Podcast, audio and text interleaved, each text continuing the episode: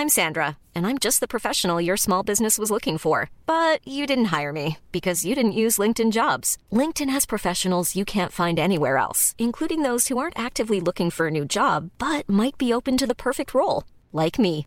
In a given month, over 70% of LinkedIn users don't visit other leading job sites. So if you're not looking on LinkedIn, you'll miss out on great candidates like Sandra. Start hiring professionals like a professional. Post your free job on linkedin.com/people today. Everyone knows therapy is great for solving problems, but getting therapy has its own problems too, like finding the right therapist, fitting into their schedule, and of course, the cost. Well, BetterHelp can solve those problems. It's totally online and built around your schedule. It's surprisingly affordable too. Connect with a credentialed therapist by phone, video, or online chat, all from the comfort of your home. Visit betterhelp.com to learn more and save 10% on your first month. That's BetterHelp, H E L P. Burrow's furniture is built for the way you live. From ensuring easy assembly and disassembly to honoring highly requested new colors for their award-winning seating, they always have their customers in mind. Their modular seating is made out of durable materials to last and grow with you. And with Burrow, you always get fast, free shipping.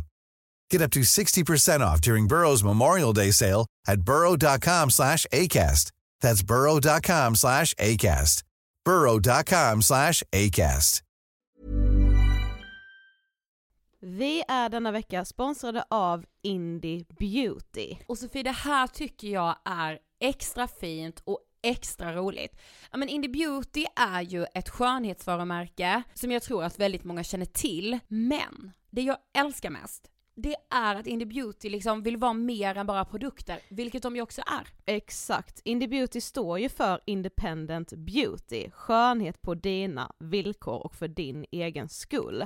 Och Indie Beauty tror ju stenhårt på ett alternativt skönhetsideal fritt från måsten, skam och känslor av otillräcklighet. Där är jag helt med Indie Beauty. Jag med. Det är så jag vill att skönhet ska vara. Ja men verkligen. Och vet du vad som är nytt för i år Sofie? Berätta. Från och med i år så skänker Indie Beauty 1% av sin försäljning till Suicide Zero, Tjejzonen och Djurens Rätt. Så när man handlar produkter från Indie Beauty så kan man liksom känna att man också ger tillbaka till samhället. Ja, kraften i tillsammans. Ska jag säga en sak nu då, Mm. som jag, det, men det är detta jag är extra glad över.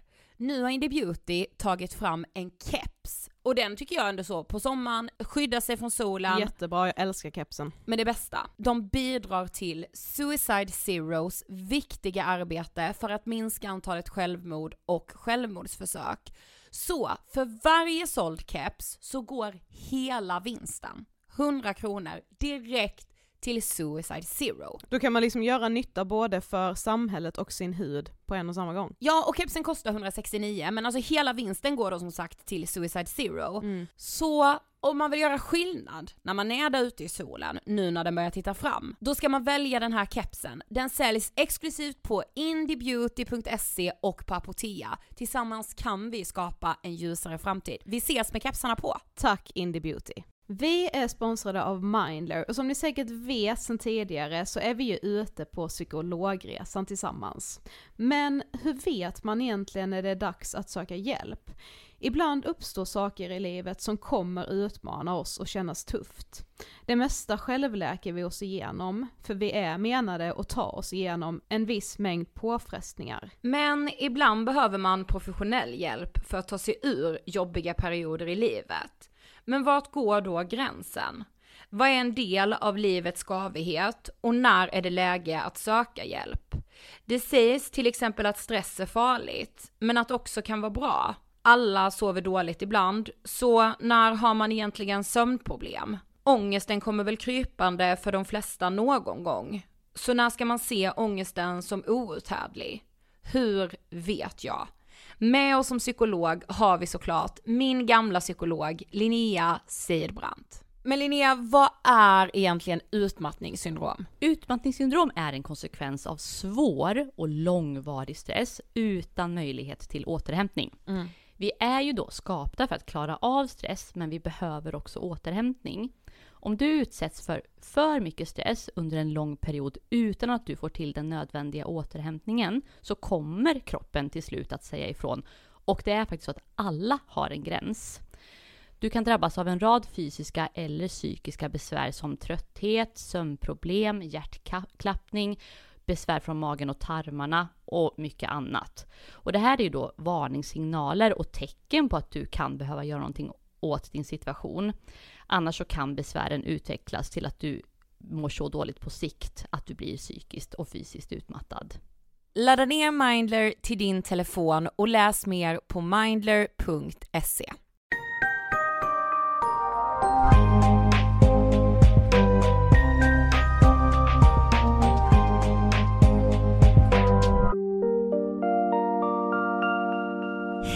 allihopa! Välkomna till avsnitt 429 av Ångestpodden, Vårkänslor. Ja faktiskt. Jävlar. Vad Jag bara det. säger det. Mm. Jag bara säger det. Det. Är lite kul att vi poddar idag och att det här släpps imorgon. Det gör vi ganska sällan. Ja det är tight. Tight Ja. schema. Det här är ett schema. Hur mår eh, vår-Sofie? Jag mår väl helt okej. Ja. Ja. Nej men det är helt okej. Ja. Det är lite så, lite, lite mycket nu, inte liksom jobbmässigt utan mer så privat. Mm. Men eh, ja, okej skulle jag säga. Ja. Man mår ju liksom ändå, man får ju en liten skjuts av vädret. ja. Du då? Nej jag har ju mått, eh, alltså P. Ja det är ju konstigt med tanke på att du är så himla väderstyrd. Ja, har du sagt vet. hela vintern. Ja jag vet, jag vet. Men jag har ju diagnosen generaliserat ångestsyndrom för nytillkomna Ja. lyssnare. Eh, nej men alltså jag, eh, först var jag sjuk och sen då hamnade jag i något slags liksom, alltså jag blir ju väldigt spänd, alltså jag har mycket spänningshuvudvärk. Eh, och detta är ju väldigt kopplat till liksom att jag har mycket ångest. Mm. Eh, och det är ju som att min kropp kan inte skilja på om jag har ångest eller om jag bara är spänd. Och sen så blir det en salig blandning. Mm. Och då får jag ångest och så är jag så, vad är hönan, vad är ägget? Mm. Och så vet jag liksom inte vad jag ska ta mig till riktigt. Nej. Eh, och ehm, alltså förra veckan var piss, piss, piss. Alltså påsken var, jag mådde så dåligt. Men då tror ju du också att du ska vara sjuk resten av ditt liv. Exakt, eftersom jag har gadd. Mm. Så jag var så till Emil då, jag bara jag, eh, nu tror jag det är kört för den här nacken, nu sitter den där den sitter. Alltså ja men alltså helt Ja ärligt. det hoppas jag ändå att den gör. jo men alltså, nu sitter den i den här låsningen. Ja. Alltså ja, och jag är så här, jag, jag ringde ju dig igår, så när jag var ute och gick och så var jag så, jag måste acceptera att jag har gadd och att jag kommer leva med det. Mm. Och att, alltså så, och ibland kommer jag ha två dagar eller en vecka där det är väldigt jävla tufft. Mm. Men det är det ju för alla människor Ja. med olika saker. Precis. Alltså det är lite som, alltså det känns ju alltid som ett sånt jävla nederlag, alltså du vet när man har haft kanske typ så, ja det varar ju ofta inte speciellt länge utan det vi kanske snackar generellt om två dagar där man bara känner så här. Alltså jag är så på tårna Ja, nu, alltså ja. nu är det som att alla pusselbitar ska falla på plats, eller så här, kanske, kanske inte falla på plats som att så, åh nu löser sig allt, men man är i det här att liksom oavsett lite motgångar så kan jag bara ta det, Ja. för jag generellt är en jävligt bra människa. och det håller i sig typ två dagar, eh, oftast i alla fall, för mig är kanske bara en dag, två dagar max. Ibland en vecka man har jävligt mycket Ja. tur. Eh, men då när den börjar liksom, när den känslan börjar glida ur kroppen så är det ju alltså som en sån jävla käftsmäll varje gång. Och sen bara, nej men just det, det här är mer min generella känsla. Ja, men nu var ju jag liksom inte så, oj det här är min generella, utan det här var, oj vad dåligt det. Mm. Eh, men ja, alltså jag vet inte, det är någonting med den här acceptansen som är så jävla svår i att så, nu är vi här igen. Jo men jag Och menar vet- bara att den acceptansen måste man ju ha även om man inte har gadd. Alltså jag Ja, måste ja, ju också ja, ja. acceptera att min generella känsla är att jag är en ganska värdelös människa. Ja just det, just det. Just det. Men du vet, alltså du vet när jag också blir så, jag blir ju så enormt eh, handlingskraftig, skryt. Nej men alltså ni vet, jag blir så, jag, nu måste jag lösa allt. Mm. Ja då kommer nästa problem, min psykiater har typ så, hon har typ inte kvar sin mottagning. Nej. Nej, då blir det ett problem. Ja. Alltså vet, och då uh, håller jag på och bara så här, ah, för jag kanske ska höja dosen på antidepp och jag kanske ska, ja. Mm. Och alltså, så får du inte utdelning för att du har varit så duktig innan Nej. utan du måste börja om. eh, men jag, jag går ju också hos en naprapat då för att så knäcka och greja och så. Skyddsnätet. Skyddsnätet. Det har du. Ja, precis. Och nu måste jag påminna mig om att ta djupa andetag. För när jag blir så här spänd då andas jag bara upp i bröstet. Ja, Mm. då Afrikas ångest. Alltså, du hör ju. Ja. Ja. Så igår var jag så till Emil, jag säger ett andetag. Och han var så, ja jättebra. Men då vill jag liksom så ha medalj typ. Alltså, ja.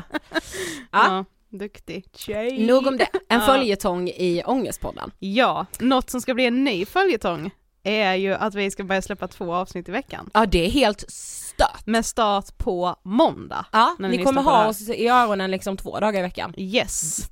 Eh, och detta för att vi ju får, eh, alltså mycket önskemål om att göra e- mer egna avsnitt. Det kommer ju faktiskt idag. Ja. Men eh, rent generellt så har vi liksom svårt att hinna med att göra egna avsnitt för att vi får så himla mycket bra gäster till oss liksom. Exakt. Och vi hittar grejer som vi tycker är intressant och vill lära oss mer om. Och känner att vi, det är lätt att prioritera bort de egna avsnitten. Ja men, Men sen verkligen. ibland så händer det också mycket saker i livet som man vill ta upp, men så finns det liksom inte utrymme att göra det i Ångestpodden och då kände vi, då släpper vi liksom som extra avsnitt varje måndag, där vi bara pratar om vår egna skit, eller er skit. Ja exakt.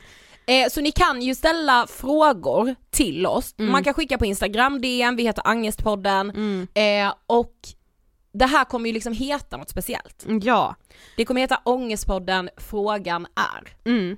och eh, ja, frågan är ju om vi kommer kunna besvara era frågor. Ja Och se. våra egna dilemman. Förmodligen inte, eftersom vi ju inte är eh, utbildade psykologer på något sätt utan bara gillar att gräva eh, där vi står. Ja. Men det är ganska gött att göra det tillsammans med er och försöka lära sig något om sig själv och sin Exakt. egna lilla självutveckling. Mm. Men mer om självutveckling senare i dagens avsnitt kan jag bara säga. Men idag ska vi göra en trend kan man säga. Ja, Och det här har ju varit en trend i liksom så sociala medier, TikTok, YouTube, också i poddvärlden. mm.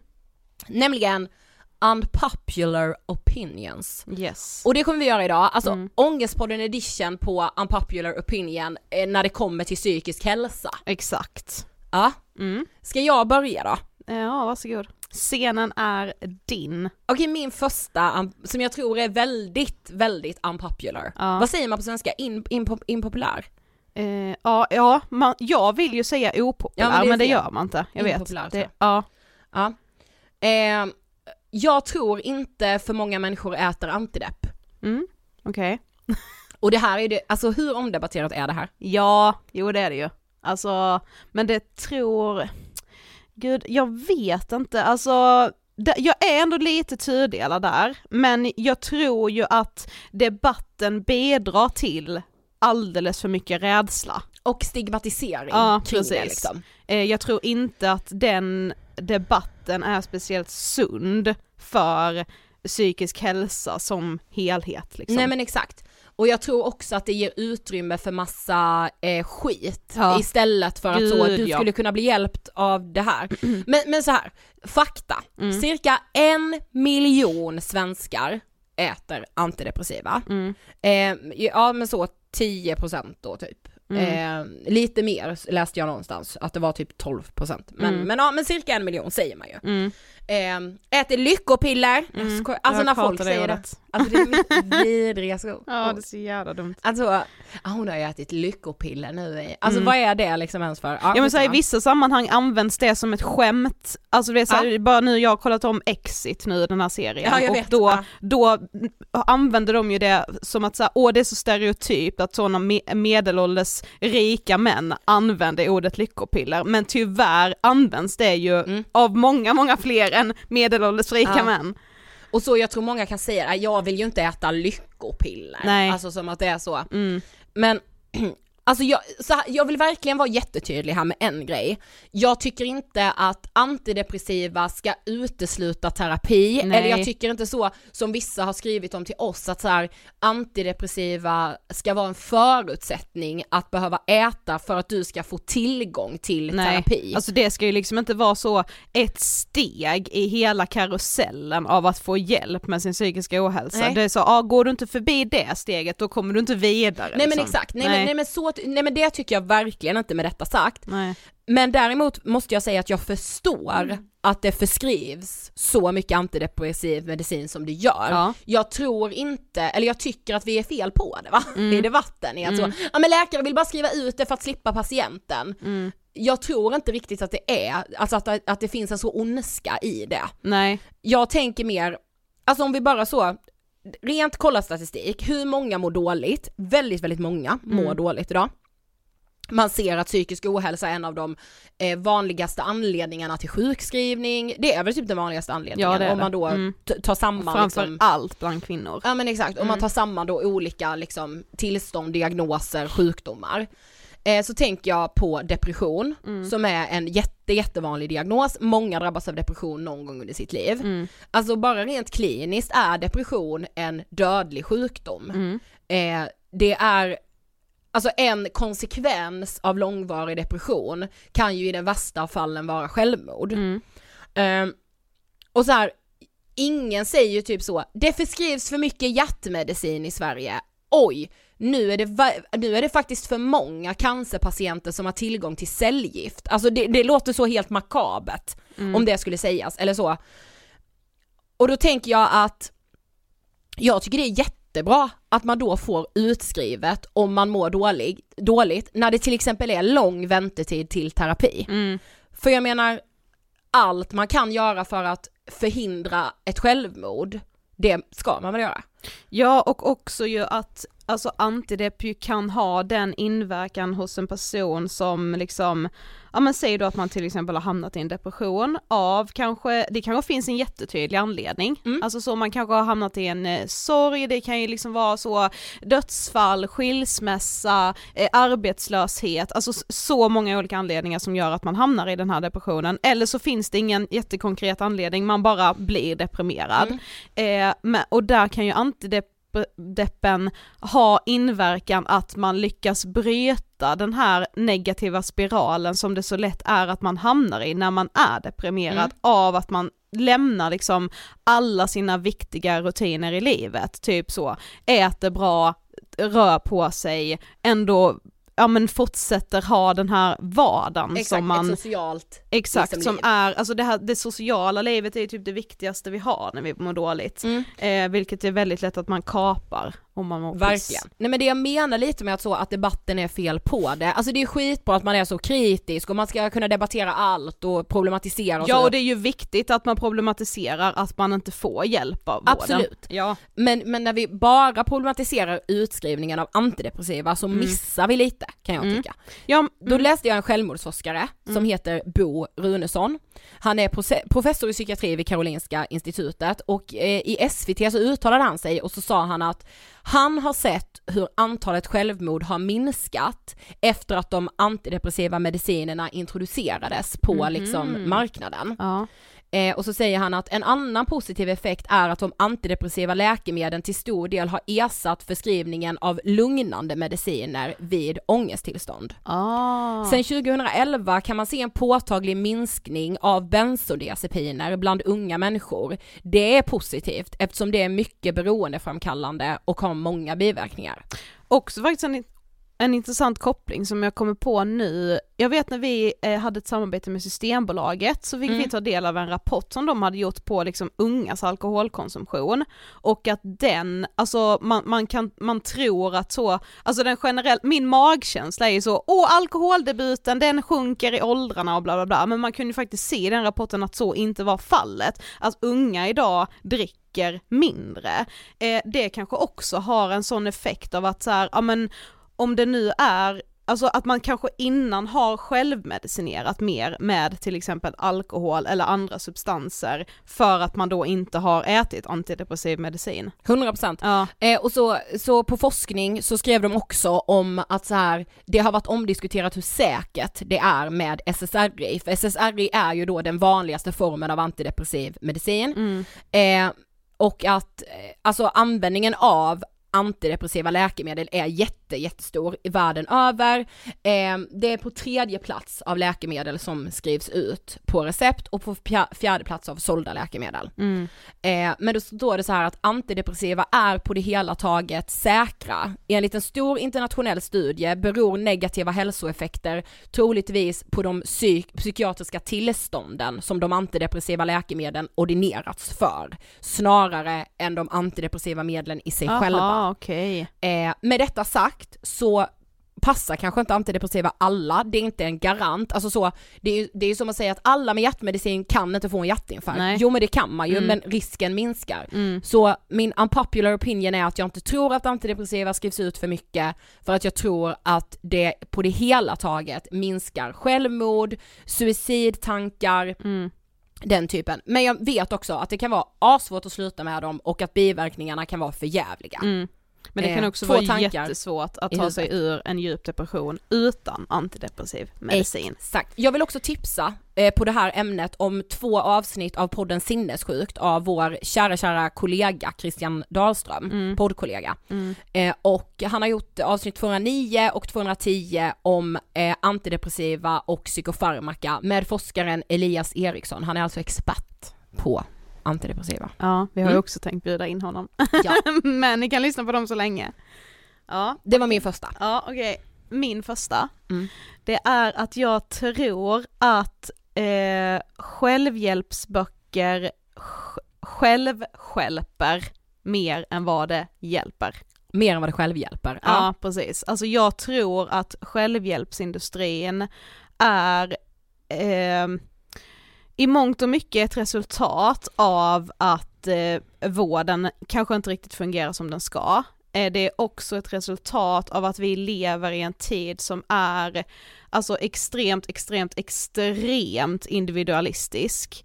Eh, jag läste någonstans, eh, nu har jag nu tryckt bort just den fliken, jag har väldigt mycket flikar uppe på min dator idag, eh, men att alltså, självhjälpsindustrin har varit en industri som har liksom Alltså all, den har liksom växt de senaste 200 åren. Alltså jag har nog mer haft bilden av att självhjälp är ett ganska nytt fenomen, men så är det ju inte. Nej. Men sen är ju allting idag så jävla mycket mer extremt än vad det någonsin har varit tidigare. Med tanke på typ sociala medier. Alltså idag behöver du inte ens läsa en bok för att påstå att du Nej, håller nej. på med självhjälp, utan det räcker att du följer ett specifikt konto på Insta så tycker du att så här, åh men jag insuper så mycket självhjälp. Alltså Mm. den är ju, den är liksom lättillgängligare än vad den någonsin har varit.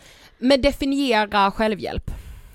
Ja men, gud nu har inte jag så en jag menar, vi- definition. Vissa kan ju tänka att ångestpodden är självhjälp också. Ja, men nu menar jag då den självhjälpen där det mer är så, ja men där man ska bli fri från sin psykiska ohälsa Mm. med hjälp av då olika metoder. Ja och, Och- gurus Ja. som, Och metoderna är ju då ofta, antingen så handlar det om att man liksom ska vara i nuet, att man ska bli en medveten människa, medveten om det här egna jaget. Men, men att självhjälp allt som oftast ändå utgår från att det liksom är alltså individens eget ansvar att ta hand om sin egna hälsa. Och det tror jag bidrar dels till att man skäms ännu mer av att man mår dåligt men också att man heller inte ens vågar berätta om att man mår dåligt. Nej, för att då tänker man att så här, ja men vad ska alla tänka om mig då? Alltså det är anledningen till varför man skäms över att man mår dåligt, för att det,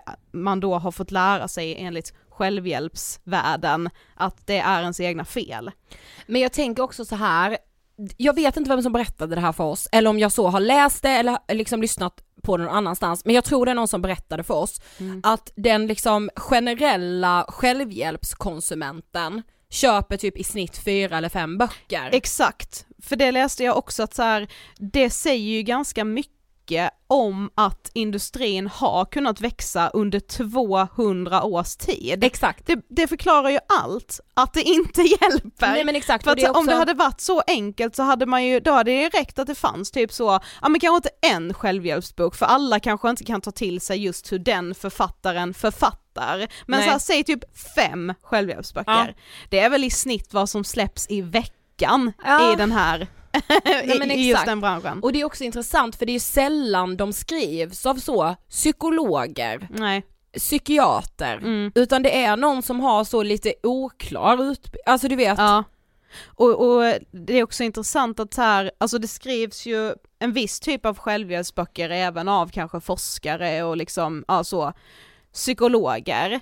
Och de, jag, jag tycker liksom att de som inte kanske är utbildade psykologer och skriver självhjälpsböcker, de är ju också ganska bra då på att så här, ja men det här har hjälpt för mig, titta vilken lycklig människa jag Mm. är, alltså de kan ju bara, det är klart att man, om man skriver en självhjälpsbok och är den här självhjälpsgurun, så skulle kanske inte den gurun heller erkänna att de också mår piss. Nej, Samtidigt som man exakt. någonstans fattar att det, men det gör ju alla. Alltså det finns ju självhjälpsböcker som är så kliniska, som Mm. jag har ju använt det i min terapi, alltså Mm. typ så.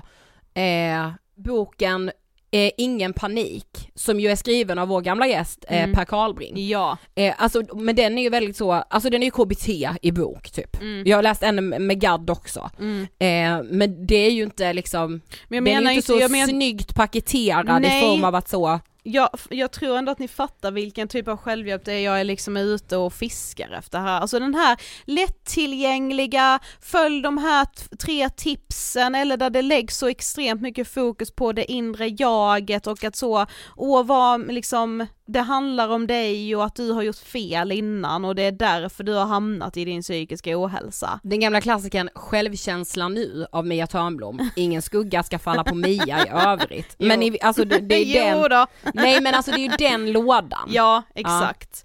Ehm, och sen, alltså jag menar liksom inte att så här, ja men om man, om man känner att man har blivit hjälp av den här typen av böcker eller instagramkonton, alltså då är ju det jättebra. Det är kanon. Jag menar inte så, det har ni inte alls, Nej. för så är det inte. Men jag tror att den, hela den liksom rörelsen och den trenden Industrin. och industrin, ja jag tror att den skälper väldigt mycket också. Jag Mm. vet att vi läste, om det var i modern psykologi eller det var någonting vi läste för något tag sedan, bara oj det här är typ någon vi borde eh, bjuda in i podden, som sa att, att liksom att lära sig mer att bara så acceptera, precis som vi sa i början av det här avsnittet, acceptera att du kommer ha dina perioder när din gadd gör sig mer påmind. Mm. Jag kommer också ha, ja, vissa dagar där jag känner mig som en toppenmänniska, men Mm. de flesta dagarna kommer jag inte göra det. Nej exakt. Och så det är liksom ingen mening att försöka så, alltså hur underbara människor blir vi om vi går runt och älskar oss själva hela tiden, inte jättesköna. Nej men exakt. Men jag läste också, vilket var intressant, att så här,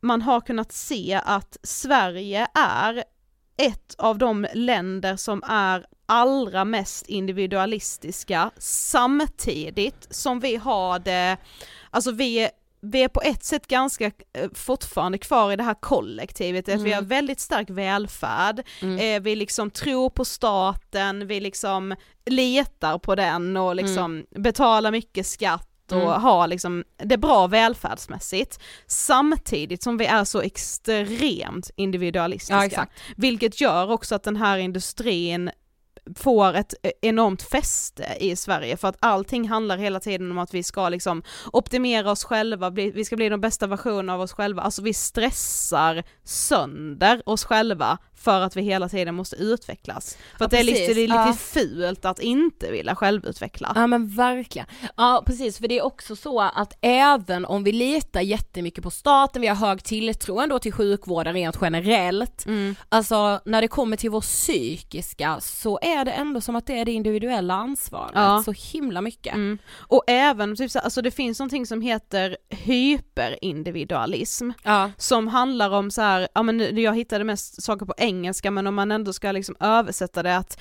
så här, om, man, om man lever i ett liberalt individualistiskt samhälle som vi ändå gör idag, så är det ändå, alltså man fokuserar mer på, på sig själv än på vad man har för roll i samhället i det Mm. stora hela. Och jag var så här, bara, jag funderar typ aldrig på min samhällsroll. Nej. Jag funderar, jag, alltså jag lägger ju alldeles för mycket tid på bara mig själv Mm, som individ. Mm. Jag tror att jag hade mått lite bättre om jag hade släppt Mm. det individualistiska tänket Ja, som jag exakt. ändå har, men som jag tror att många har på grund av att vi lever som vi gör.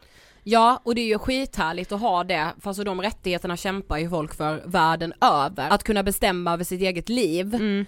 Men alltså när det kommer till sjukdom eller så saker som faktiskt är, ja men typ en depression eller att ha ett ångestsyndrom. Mm. Du, alltså det är inte upp till individen att lösa det. Alltså i att så, läs nu det här, gör det här. Ja men det är ju också som att man så här Eh, och, och alltså jag, jag har, har nog själv gjort mig skyldig till det säkert i flera avsnitt av Ångestpodden, framförallt i början för att jag själv hade den här bilden.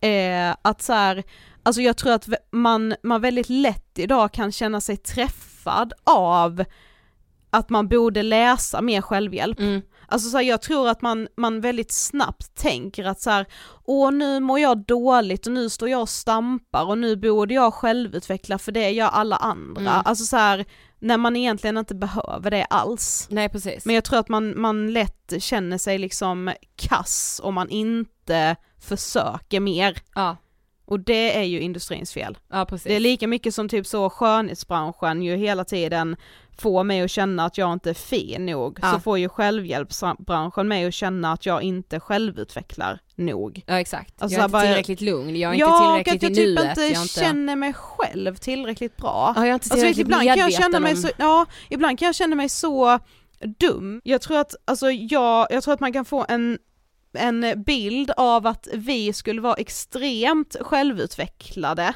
i och med att vi gör Ångestpodden. Ja, Men jag kan ju någonstans, jag håller inte på så mycket med Ångestpodden i mitt privatliv. Alltså jag, jag lever kanske inte som jag lär, låter fel, men så här, jag, jag tror att man har en bild av att jag känner mig själv mer än vad jag själv känner att jag gör. mm. men samtidigt så gör man väl, alltså för det ångest på den här är väl ändå att så sök hjälp om du mår dåligt, alltså så det tror jag ändå att du och jag gör i väldigt hög utsträckning. Ja, jo jo absolut. Jag menar mer bara det här, liksom så, ah, vad, tänk, vad, vad känner du om det här? Eller vad står du här? Eller vad, vad har du för, vad är din mening med livet? Och då är jag så jätteförvirrad. Ja, men jag vet inte, ja, ja, ja, ja det skälper bara. Ja, Mm, okej. Min nästa. mm, Eh, triggervarning är det värsta jag vet. mm. Mm. Också, alltså så, välkommen till 2017, prata om triggervarning. Ja, Men, men jag ser det ändå tycker jag. Alltså jag ser det så på TikTok nu har jag börjat se jättemycket. Okej, triggervarning när jag ska berätta det här. ja, Alltså för det första tycker jag det är helt sjukt eh, att kräva att människor ska anpassa sitt innehåll efter vad jag själv klarar av och inte. mm, Det, alltså det blir tokigt. Mm. Alltså jag är så, va? mm, Eh, men liksom, och det är ju också, det, det är därför jag tar upp det, för det är ju ändå någonting att jobba med de här frågorna. mm. För liksom, varför är det så många som genom åren krävt att vi ska triggervarna saker? Jag skäms över att vi har triggervarnat avsnittet vi gjorde i början om anorexi. mm. Jo För men det var där så var vi ju många- så ängsliga herregud. Ja men först gjorde vi inte det. Nej. Och sen var det så många som bara, ni måste triggervarna det var också ganska långt efter, Ja, vi alltså vi triggervarnade typ så ett år senare. Ja, för Men- någonstans blir jag ju så, lyssna inte då människa. Ja. Och sen så fattar jag, alltså så här. Jag förstår också att när man är sjuk, att man kan, kan vilja söka sig till saker i ett destruktivt syfte. Mm. Eh, men det går ju inte att ta hänsyn till det.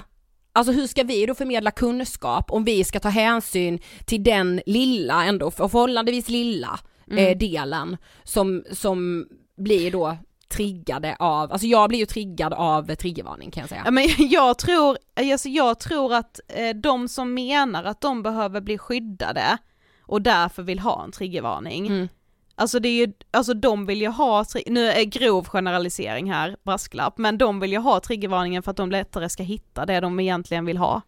Ja. Alltså fattar du? ja, jag fattar. Alltså Jag de vill liksom så, åh men jag, ja, jag kan inte titta på det här för jag blir liksom triggad, ja men du vill ju bli triggad. Alltså Ja, du, men jag, jag frågade faktiskt igår ehm, på min Insta så frågade jag eh, mina följare om så här, vad tänker ni om triggervarning? Mm. Ja, då var det först någon som tipsade, kan vi tipsa om alltså podden Dumma människor, Ja. Mm. eh, Björn och eh, Lina som eh, eh, exakt har pratat om triggervarning i avsnittet från 15 mars. Jag har inte själv hunnit lyssna, jag ska det. Ehm, eh, någon skriver att det känns som en ursäkt att skriva eller säga vad man vill.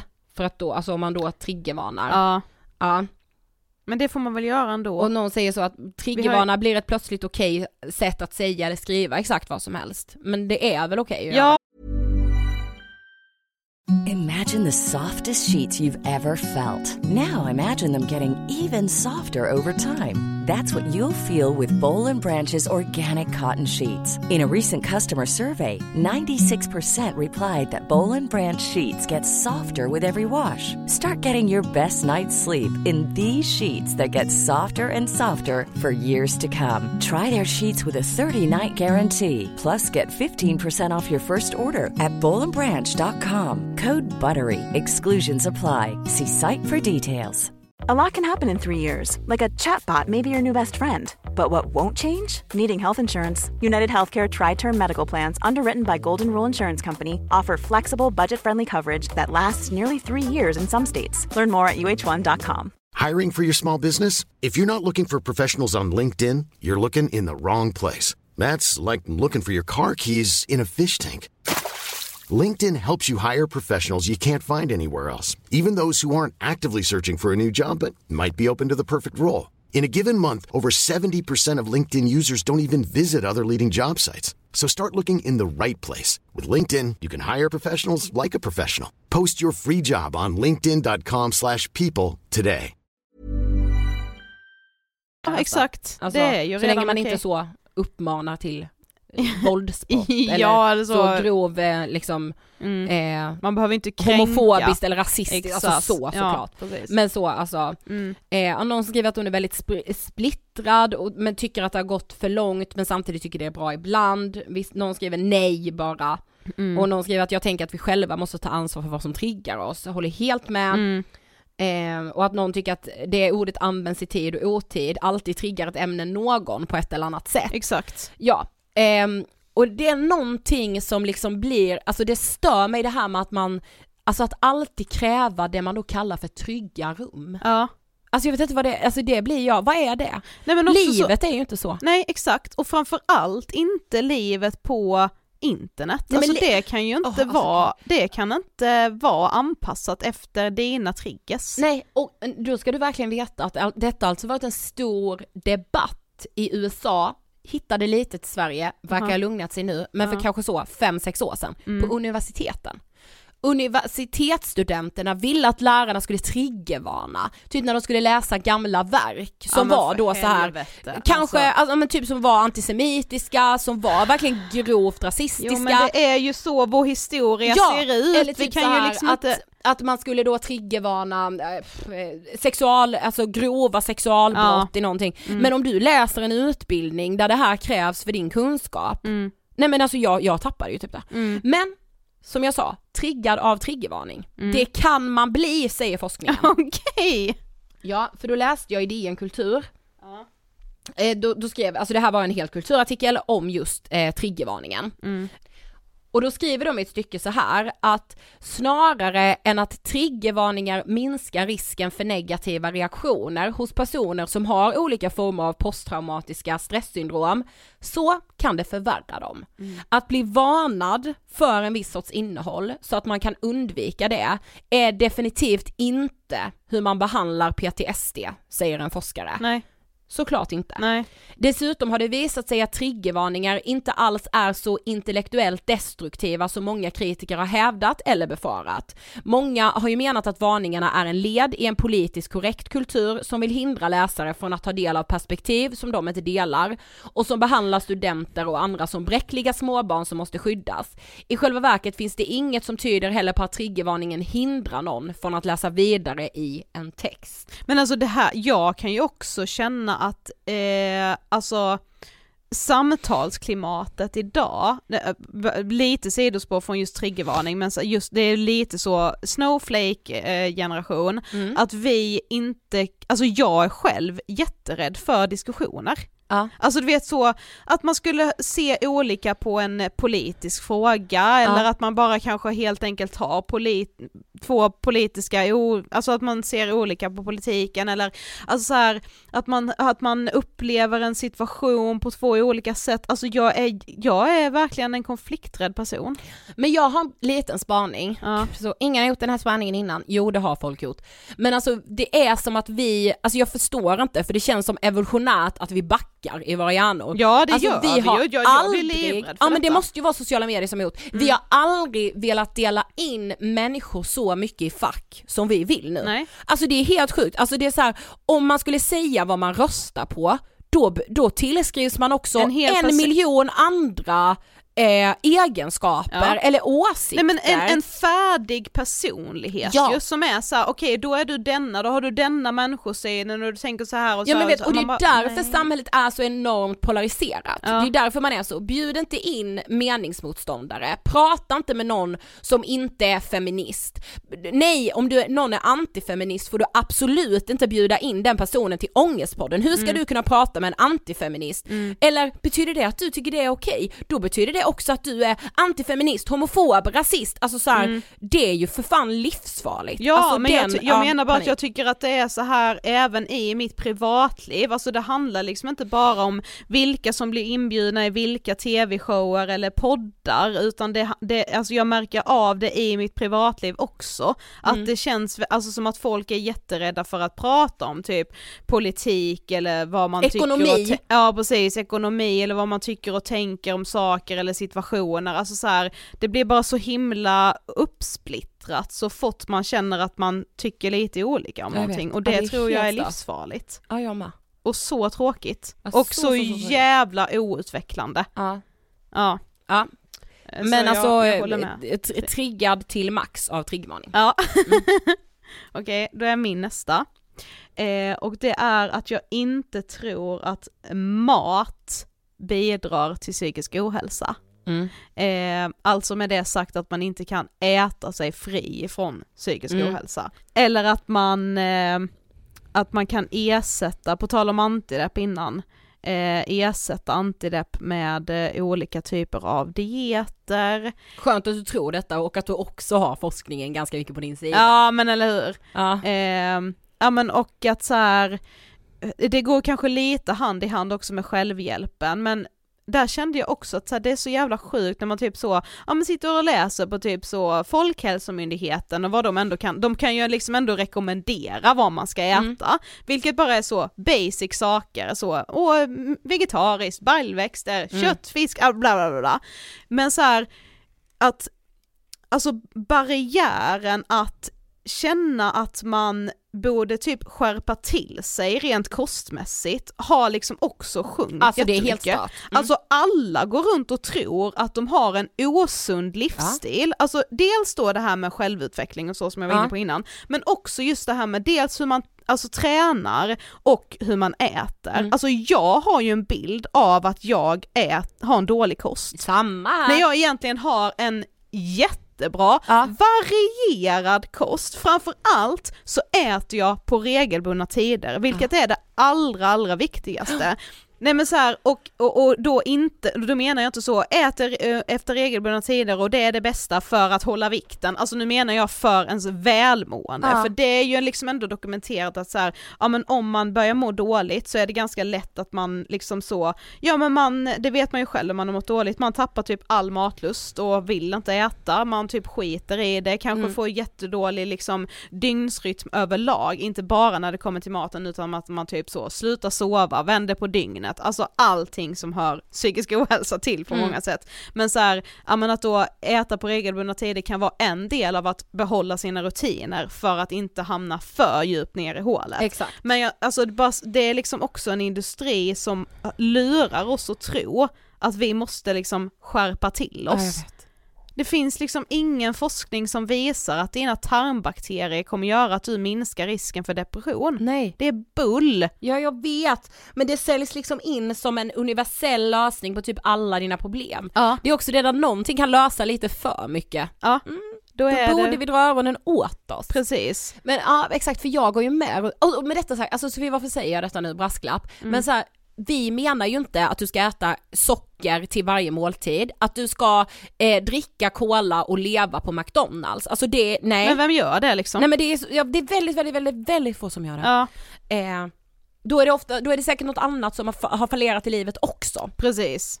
Men just så, alltså den gamla vanliga tallriksmodellen, Mm. eller Vad husmanskost, hände med den? alltså ja, så, Ja. det är inte dåligt. Nej. Nej men alltså jag, alls. jag kan bli så här, nu har jag ätit grädde där, pasta där. Ja. Alltså man bara, vanliga varor. Ja, exakt. Helt vanliga varor. Men det var ju också, det blev typ lite så mindblown när vi poddade med eh, Yvonne om ortorexi. Mm. Just det här med att alltså det är liksom ortorektiskt i form av att liksom, ja men hur man skyltar i matvarubutikerna idag, bara det är ätstat i sig. Ja. Och jag så här, varför frontar typ kvarg istället för crème fraîche eller varför är det så, varför finns det lätt-varianter på allt? allt. Som gör att jag ändå tänker att ja men då borde jag ändå välja det alternativet för det är ju ändå lite bättre. Ja. Bättre för vad då? Ja, Vad verkligen. då? Alltså, det är så jävla jävla sjukt. Suck, suck. Det där skrämmer mig också. Ja, jag blir livrädd. Ja. Och just att så här, åh men liksom, ja men jag vet inte, alltså det, det är så jävla skevt. Och också jag delade ju en TikTok på eh, vår Insta för Ja. några dagar sedan, eh, om så här, vad heter hon nu då den här supermodellen som var med i klippet? Ehm, ja, skitsamma. Ja, piss, en pissnygg modell. Ja. som är då med i en eh, podcast någonstans i USA, där de är så bara, men berätta om din liksom så ätrutin, Mm. eller hur, du, hur startar du dagen? Ja. Och hon sitter där och berättar om någon jävla pulver hon häller i något vatten och det är ditt och datt liksom så. Eh, och då är det ju då en annan tjej som har gjort en TikTok som en brasklapp då till att så här, alltså enda anledningen till varför hon ens får de här frågorna är ju för att hon är en skitsnygg, smal tjej. Det är också därför vi lyssnar på henne. Mm. Hon har ingen utbildning, hon är liksom inte så näringsfysiolog eller kan Nej. saker om dieter utan enda anledningen till varför vi lyssnar på henne är för att hon är så extremt normativ och snygg. Ja. Det är ingen som hade frågat en eh, tjock person, åh berätta om din eh, rutin, Jag vet. din morgonrutin eller hur startar du din dag eller Men vad det- äter du? Det har man ju med sig mycket på TikTok, typ så ät som Kylie Jenner en hel dag. Ja. Alltså när jag såg det, jag bara, alltså jag hade varit så jävla vrålhungrig Mm. så att jag hade stupat. Mm. Alltså, Jo men det är också så att när man ställer frågorna så får man det att låta som att så här, det här handlar om insidan. Mm. För det är det, alltså, det, alltså all den här bantningskulturen och sånt det är ju liksom bara förklätt i att man tar hand om sin egen hälsa utifrån och in. Mm. Eller inifrån, inifrån och ut. ut, exakt. Eh, men så här, men man hade ju aldrig lyssnat på förs, från, från första början på henne om hon inte bara var en pissnygg tjej. ja, jag vet. Alltså så, så ska man få det att verka som att så, åh men du mår så himla bra på insidan, det är ju liksom, ja gud vad du är, måste ha ett härligt liv. ja, Men nej det handlar ju bara om att hon kan skatta sig lycklig för att hon är smal ja, jag vet. och Ja, snygg. panik. Panik. Okej den sista, och den här har vi tillsammans. Ja. All alternativmedicin är bara humbug. ja, och här är vi lite extrema, vi vet Ja men det. alltså vi är ju militanta motståndare. Jag Ja. vet inte, alltså jag, det här gör mig så vansinnig. det här så jag triggar vet- dig! Ja men så jag vet att så här, mycket saker som säkert är kanon att ha som ett komplement till någonting, då, naprapati, naprapat är ju, alltså det är ju alternativ, Ja. det, det har räddat mitt liv. Ja. Eh, jag, jag, alltså jag, jag, är, jag är så militant motståndare av allt som är så alternativa metoder. Och jag Ja. vet att vi är extrema, vi är Mm. inte liksom, vi, vi är inte alltid sakliga i det här. Nej absolut inte. Eh. Och så här, vi, ja som du säger, alltså vi är ganska militanta där. Nej men jag blir och, eh, en gubbe. Ja, alltså där är jag verkligen så, gubben på landsbygden som tycker att allt nytt är hemskt liksom. Alltså så är jag verkligen där och är ju också eh, väldigt, tyvärr ibland en sida av mig som är eh, väldigt dömande. Tyvärr. som jag inte tycker om så jättemycket liksom. Men jag, jag ville ändå läsa lite i Läkartidningen. Ja. så det gjorde jag. ja. Och det är det en, eh, han som är förbunds, eh, eller ledamot i Läkarförbundets länsstyrelse, förbundsstyrelse, ja. som hade skrivit en, eh, en liten artikel just om det här. Nu vet inte jag vilket år den var från, så jag, tror, jag, vet inte, jag ska inte säga att han är med där längre, för jag tror den är typ tre år gammal. Mm. Eh, men då hade han liksom skrivit så här att i, i skolmedicin då, alltså den vården som man, man söker då hos staten liksom, Ja. eller så, eh, där används metoder som har varit föremål för vetenskapliga studier och uppföljning, medan alternativmedicinens behandlingar inte genomgått någon egentlig vetenskaplig utvärdering. Inom skolmedicinen känner vi till risker, biverkningar och utsikt till bot, alltså hur, hur ser det ut, vad är, vad är liksom oddsen? Mm. Medan de alternativmedicinska behandlingarnas biverkningar är mer eller mindre okända. Mm. Eh, och så skriver han då så här, men vad talar vi då om för risker? En rad biverkningar av både, somatiska och, eh, av både somatisk och psykisk art kan naturligtvis förekomma. Eh, men den stora risken är att en alternativ behandling fördröjer eller innebär att en effektiv vetenskapligt grundad behandling åsidosätts. Mm. Flera cancerläkare har tyvärr nyligen rapporterat en ökning av andelen patienter som, som avböjer hela eller delar eh, av den av sjukvården föreslagna cancerbehandlingen mm. som ges i syfte att bota sjukdomen för att istället välja en alternativ behandling. Det där tycker jag är skrämmande. Ja, det är så jävla obehagligt. Och bara så, så här, eh, som tillbaka som till självhjälpsböcker, att så här, det kan ju absolut hjälpa någon och då är det jättebra. Om det är nu, om vi pratar placebo eller om det är liksom, det kan ju vara liksom så om man vänder sig till någon alternativ rörelse, det kan ju vara en mening i en text i ett blogginlägg som får någonting och bara så, shit vad det här berörde mig. Mm. Lika mycket som någonting vi säger i Ångestpodden kan beröra någon som, det, det blir så här, shit vad det här lärde mig mycket mm. om mig själv. Som vissa gäster har en påverkan på mig. Absolut. Vi är ju också ett alternativt sätt då mm. på ett sätt eftersom vi är inte utbildade psykologer. Och det ska, det ska ju sägas att det finns ju alternativa behandlingar som vården rekommenderar ja. men som inte vården tillhandahåller. Mm. Yoga, meditation, mm. tolvstegsprogrammet, tolvsteg, mm. eh, kiropraktik, naprapati, mm. akupunktur i viss mån. Mm. Eh, alltså, och där kan jag ju tycka att det är jätte jättesynd mm. att det eh, klumpas ihop med alternativa eh, metoder. När jag, för, för när jag säger alternativmedicin då tänker jag örter, jag tänker eh, kristaller. kristaller. jag tänker healing, mm. jag tänker eh, radiovågor eh, etc. Frekvenser, och sånt. Och sånt ja. eh, ja, på tal om det så hittade jag... Eh, Men där är det bara igen, ja. alltså så här det, det, är exakt samma som med det här med maten och med självhjälp och allting. Alltså här har också barriärerna sjunkit för när man tror att man mår dåligt. Mm. Alltså vi tror liksom att allt som inte är tipptopp är någonting som vi behöver åtgärda utifrån då med, med då med alternativa mediciner mm. för vi vill ju helst inte då börja äta antidepp i onödan. Nej men sagt. exakt det är det jag kan tycka är så intressant att vi hellre, alltså nu generaliserar jag också grovt, men att det finns liksom stora grupper i vårt samhälle som hellre försöker hela eh, sin ångest än att äta antidepressiva. Ja. Där liksom forskningen så, här har du en rad biverkningar, har du allt det, och så tänker man då, ja jo men den här healingen gör jag istället för där finns inga biverkningar. Nej dokumenterade nej. Mm. Alltså men vad händer med din depression om du inte, eh, alltså gör det som krävs, alltså förstår du? Mm. Eh, jag förstår att det också kan låta så nedvärderande mot någon som har blivit hjälpt och det är inte min mening men jag förstår verkligen att man känner så. Mm. Men jag tänkte så, alltså var, varför är det här på så enorm framväxt? Alltså vad tänker du? Alltså jag har funderat på detta och det är liksom inte, alltså den här, alltså alternativa rörelser eh, som fenomen är ju inte heller nytt. Men just att det här med kristaller nu är på framfart på ett sätt som är Det här helt... andliga är det ju. Ja, precis. Vi, sak, alltså, vi har aldrig varit så oreligiösa, så det måste vara att vi saknar andligheten så mycket och den mm. finns ju inte i primärvården, alltså det är den finns ju inte här, i sjukvården. Nej och det hänger nog ihop med det här eh, individualistiska också, att vi är så extremt individualistiska och så känner vi så här när vi har börjat gräva inåt, för det är ju det, det är där jag med kan känna mig dålig ibland när jag är så, usch, jag känner mig så oförmögen att se inåt. Jag, jag kommer inte till den här kärnan, mm. hur mycket jag än försöker.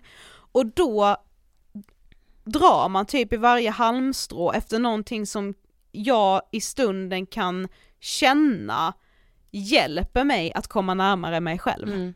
Ja för jag tänker med så är det här liksom samhällets fel att det här får ta så stor plats? Ja alltså på ett sätt är det ju det, för att vi har bortprioriterat psykiatrin, mm. det är så långa köer till barn och ungdomspsykiatrin, mm. det går inte att få en tid till en psykolog inom liksom vad säger man, alltså inom snar framtid för en Mm. person som söker hjälp. Jag fattar att man söker sig Så till andra saker. du in i en eh, butik där det står någon som har tid att lyssna på dig och som och har du väl börjat investera. Ja. både din tid och dina pengar, Varför skulle då man förstår jag att man säger nej men det här funkar inte. Ja. Det vill man inte säga. Nej, nej, nej. Alltså det är fullt, fullt, fullt förståeligt. Det är ju psykologi, det är Ja. så vi funkar Ja, liksom. och det, man kan ju bli hjälpt av känslan av att bli den här delen i ett sammanhang som man känner att man har saknat. Det kan ju vara anledningen till varför man från början kanske har hamnat i en depression eller har mycket ångest, att man känner sig ensam, man, man liksom man känner inte att man är en del av någonting och man känner inte att man gör den här kanske självutvecklingen som man önskar att man hade gjort och så hittar man en plats där man känner att man kan utvecklas eh, och lära sig saker. Och så, alltså det kan ju hjälpa också, Ja, men jag tycker att det är problematiskt för den industrin är också så satans smutsig. Och jag tror också att så här, det kan hjälpa absolut. Men jag tycker nog inte att man heller ska förringa riskerna. Det är Nej. lite som att inte, alltså så här, det kan också skada jätte, jättemycket. Och jag tänkte bara få ta som ett exempel, för ibland så blir ju liksom Alltså psykisk, de psykiska sjukdomarna är mycket mer luddiga, vi har svårare att ta på dem, det går inte att ta ett blodprov där, när man ser att oj den här personen har en depression på samma sätt som det gör med att det går att se att någon har cancer i kroppen. För på Cancerfondens hemsida så har de liksom en flik under behandlingar eh, som, där det står KAM, som då är komplementär och alternativmedicin, står då KAM för. Ja. eh, där de verkligen varnar för, för det här. Och det är också intressant då, för komplementär medicin är medicin som används samtidigt som komplement till den vanliga sjukvården. Okej, ja. Eh, till exempel ak- akupunktur då, Mm. vid hjälp av eh, olika saker. Samma eller som liksom, du går till naprapat och äter Exakt, antidepressiva. Ja. naprapat, kiropraktik, massage, yoga, meditation. Ja. Eh, och, och där skriver de att så här, den komplementära medicinen, alltså det är inte alltid vattentäta skott mellan den konventionella vården, alltså den vanliga inom då citationstecken, Ja. eh, vården och den komplementära medicinen eftersom många metoder idag används även där och man tipsar om det och sådär. Mm. Alternativ medicin däremot eh, handlar om att istället Exakt. för den medicinska behandlingen Mm, som läkaren har ordinerat. Exakt, Mm. ta alternativa behandlingar. Mm. En patient kan till exempel välja en viss kost i förhoppning att bota sin cancersjukdom och avstå då den ordinerade medicinska behandlingen. Mm. Så exakt så är det ju med psykisk ohälsa också. Ja, och då står det att så här, eh, de som erbjuder KAM kan eh, eh, har vanligtvis ingen svensk yrkeslegitimation.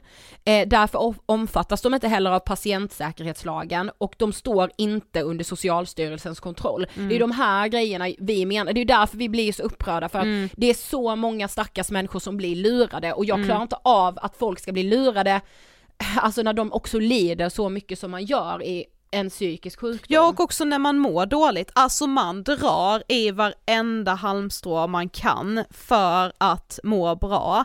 Och det här kommer då serverat på ett silverfat genom typ TikTok, influencers på Insta eh, och så här, jag tycker med, så jag blir lite, så äcklad är typ fel ord att säga men jag blir ju jag kommer samtidigt inte på något bättre ord, när jag ser vissa influencers som gör typ samarbeten med så kristallbutiker och så, då, då tycker jag mig ändå nu de senaste gångerna jag har sett så har det varit så här. alla tror ju vad de vill, så jag säger inte att det här hjälper, men sen ändå typ så slide nummer två in i den här instagram-storyn så är det ändå, denna sä- sägs ju vara jättebra vid typ så självkänsla, eh, självförtroende, den här sägs boosta ekonomin, den här sägs bota självkärlek, alltså du vet så, vad fan du sa precis att det, det, det inte var på det här viset, men sen är det ändå så det här reklamen går ut på. Exakt. Eh, Men en sak som jag, för detta vill jag verkligen också säga, som står på Cancerfondens hemsida och som jag ser eh, överallt tipsas mot just oro och ångest, eh, det är johannesört. Jag har själv blivit tipsad om detta en gång när jag gick på akupunktur. ja.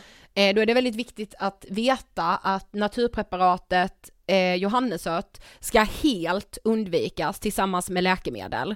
Eh, för johannesört kan ge starkt negativa effekter när det gäller nedbrytning av läkemedel. Eh, och det kände jag verkligen var väldigt viktigt att säga. Eh, och är det någon gång jag märker Ibland kan vi, du och jag prata med varandra och bara, nej men nu är ju typ inte psykisk ohälsa och psykisk sjukdom stigmatiserat alls. Mm. Är det någon gång jag märker det, så är det ju när Att jag ser det, dem, menar du? Ja men precis, Mm. att så här, är det någon gång jag märker att jo det är så jävla stigmatiserat, Mm. då är det ju när det gäller de alternativa vägarna Mm. för att då komma till bukt med att man mår psykiskt dåligt. Ja, för det är ju fortfarande alltid ditt eget fel. Det Då- ligger ju alltid hos dig. Då hittade jag alltså en eh, artikel från 2019, jag förstår inte hur vi kunde missa denna där och då, men det gjorde vi. Ja. Eh, då var det en sjuksköterska i Växjö eh, som, eh, hon, skulle hon granskades av eh, IVO. Ja. Det var en mamma som eh, kom till henne, hon är alltså utbildad sjuksköterska, Mm. eh, med sin dotter som eh, under flera år hade lidit av GAD och eh, självmordstankar.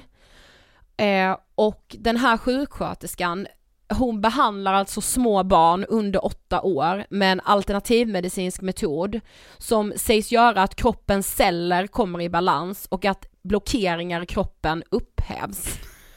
Eh, hon behandlar med något hon kallar för bioresonans. Och det här, den här metoden eh, bygger då på kvantfysiska teorier som sägs läsa av en persons frekvensmönster Ja, alltså inne i kroppens är... organ. Eh, och hon uppmanade då den här mamman att barnet skulle sluta ta sin medicin Mm. eh, och istället då, eh, ja alltså istället då göra de här blockeringarna. Ja. Och in, vi har ju varit inne lite på det, alltså nu nördar vi lite, men enligt, alltså tidigare hette det kva- kvacksalverilagen, Mm. numera patientsäkerhetslagen. Mm. Eh, där står det att ehm, bara eh, hälso och sjukvårdspersonal får undersöka eller behandla barn under åtta år. Eh, och detta kunde hon ju då använda eftersom hon var legitimerad sjuksköterska. Då sa ju hon ja, jag är ju sjuksköterska så därför kan jag ju ta emot barn under åtta år. Ja. Ehm, och därför då så riskerade hon sin legitimation trots att hon till IVO sa att jag är enormt patientsäker. Alltså det är så jävla sjukt. Men också att det går, det går så himla fort med när saker och ting blir trendigt. Bara det här senaste nu med att man ska ladda upp döda celler i hjärnan med laser. Har du sett det? Nej. Nej det är någon ny grej då, jag kan läsa här från eh, deras eh, Insta, Clinic Human Recha- Recharge. De använder ju också ord för att det ska låta vetenskapligt när det egentligen inte är Mm. det. Då är det så under en longvitty, long, alltså jag vet inte ens hur man ska säga det, behandlar vi ditt nervsystem, vi ger dig en del, en del grönt ljus med fettreducerande effekt där vi i lip, lipofys, nej, lipolysen av fettceller hittar en stark påverkan på insulinresistens, ökning av stamcellsproduktion och balansering av blodfetter. Vi balanserar hjärnvågor vilket ger en stark påverkan på hjärntrötthet, ökad sömnkvalitet och upplevd mental skärpa. Nej men gud. Din stressnivå kommer att sänkas då vi aktiverar parasympat parasympatikum i ditt au autonoma nervsystem. Förlåt för dåligt uttal. Detta sker via specifika protokoll samt en bättre kommunikation mellan mage, tarm och din hjärna via vagusnerven. Men liksom det är det här jag menar också att så att man inte har några rättigheter, alltså man har inget på sin sida när det går fel. Nej, precis. Också detta, att en, en sån här liten grej, då lite laser, hela du kommer att få ett lyft energimässigt, minskad stress, ökad prestation och bli den bästa versionen av dig själv. Mm. Rött hjärta. Ja, det är liksom så det säljs in. Ja, och så man, men det säger väl ganska mycket redan där att samma behandling som ska öka då, liksom minska min stress, det ska också öka min energi, alltså det är helt, alltså, ja. Eh, det här var väl våra unpopular opinions. Ja, det var det. Det var väldigt kul att göra ett sånt här avsnitt. Ja. Kan inte ni skicka in era unpopular opinions till oss om om men, mental hälsa. Ja men liksom. verkligen, det, Mm. jag tycker det, det, det, jag vill grotta ner mig och läsa vad ni tänker. Ja, det hade varit kul. Eh, det var allt vi hade att bjussa på denna veckan. Yes, men vi hörs ju alltså redan på måndag med det första Otroligt. frågan är. Ja, Ja, kul. okej. Hej då! Hej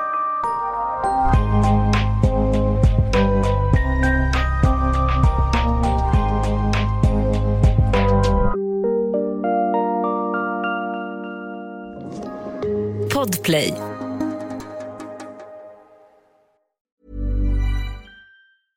Imagine the softest sheets you've ever felt. Now imagine them getting even softer over time. That's what you'll feel with Bowl and Branch's organic cotton sheets. In a recent customer survey, 96% replied that Bowl and Branch sheets get softer with every wash. Start getting your best night's sleep in these sheets that get softer and softer for years to come. Try their sheets with a 30-night guarantee. Plus, get 15% off your first order at bowlandbranch.com. Code BUTTERY. Exclusions apply. See site for details.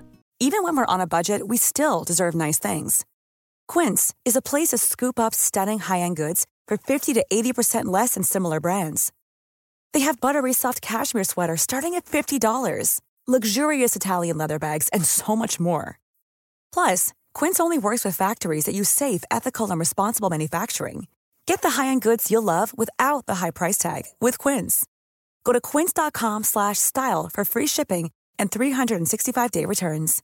Imagine the softest sheets you've ever felt. Now imagine them getting even softer over time. That's what you'll feel with Bowl and Branch's organic cotton sheets. In a recent customer survey, 96% replied that Bowl and Branch sheets get softer with every wash. Start getting your best night's sleep in these sheets that get softer and softer for years to come. Try their sheets with a 30-night guarantee. Plus, get 15% off your first order at bowlandbranch.com. Code BUTTERY. Exclusions apply. See site for details.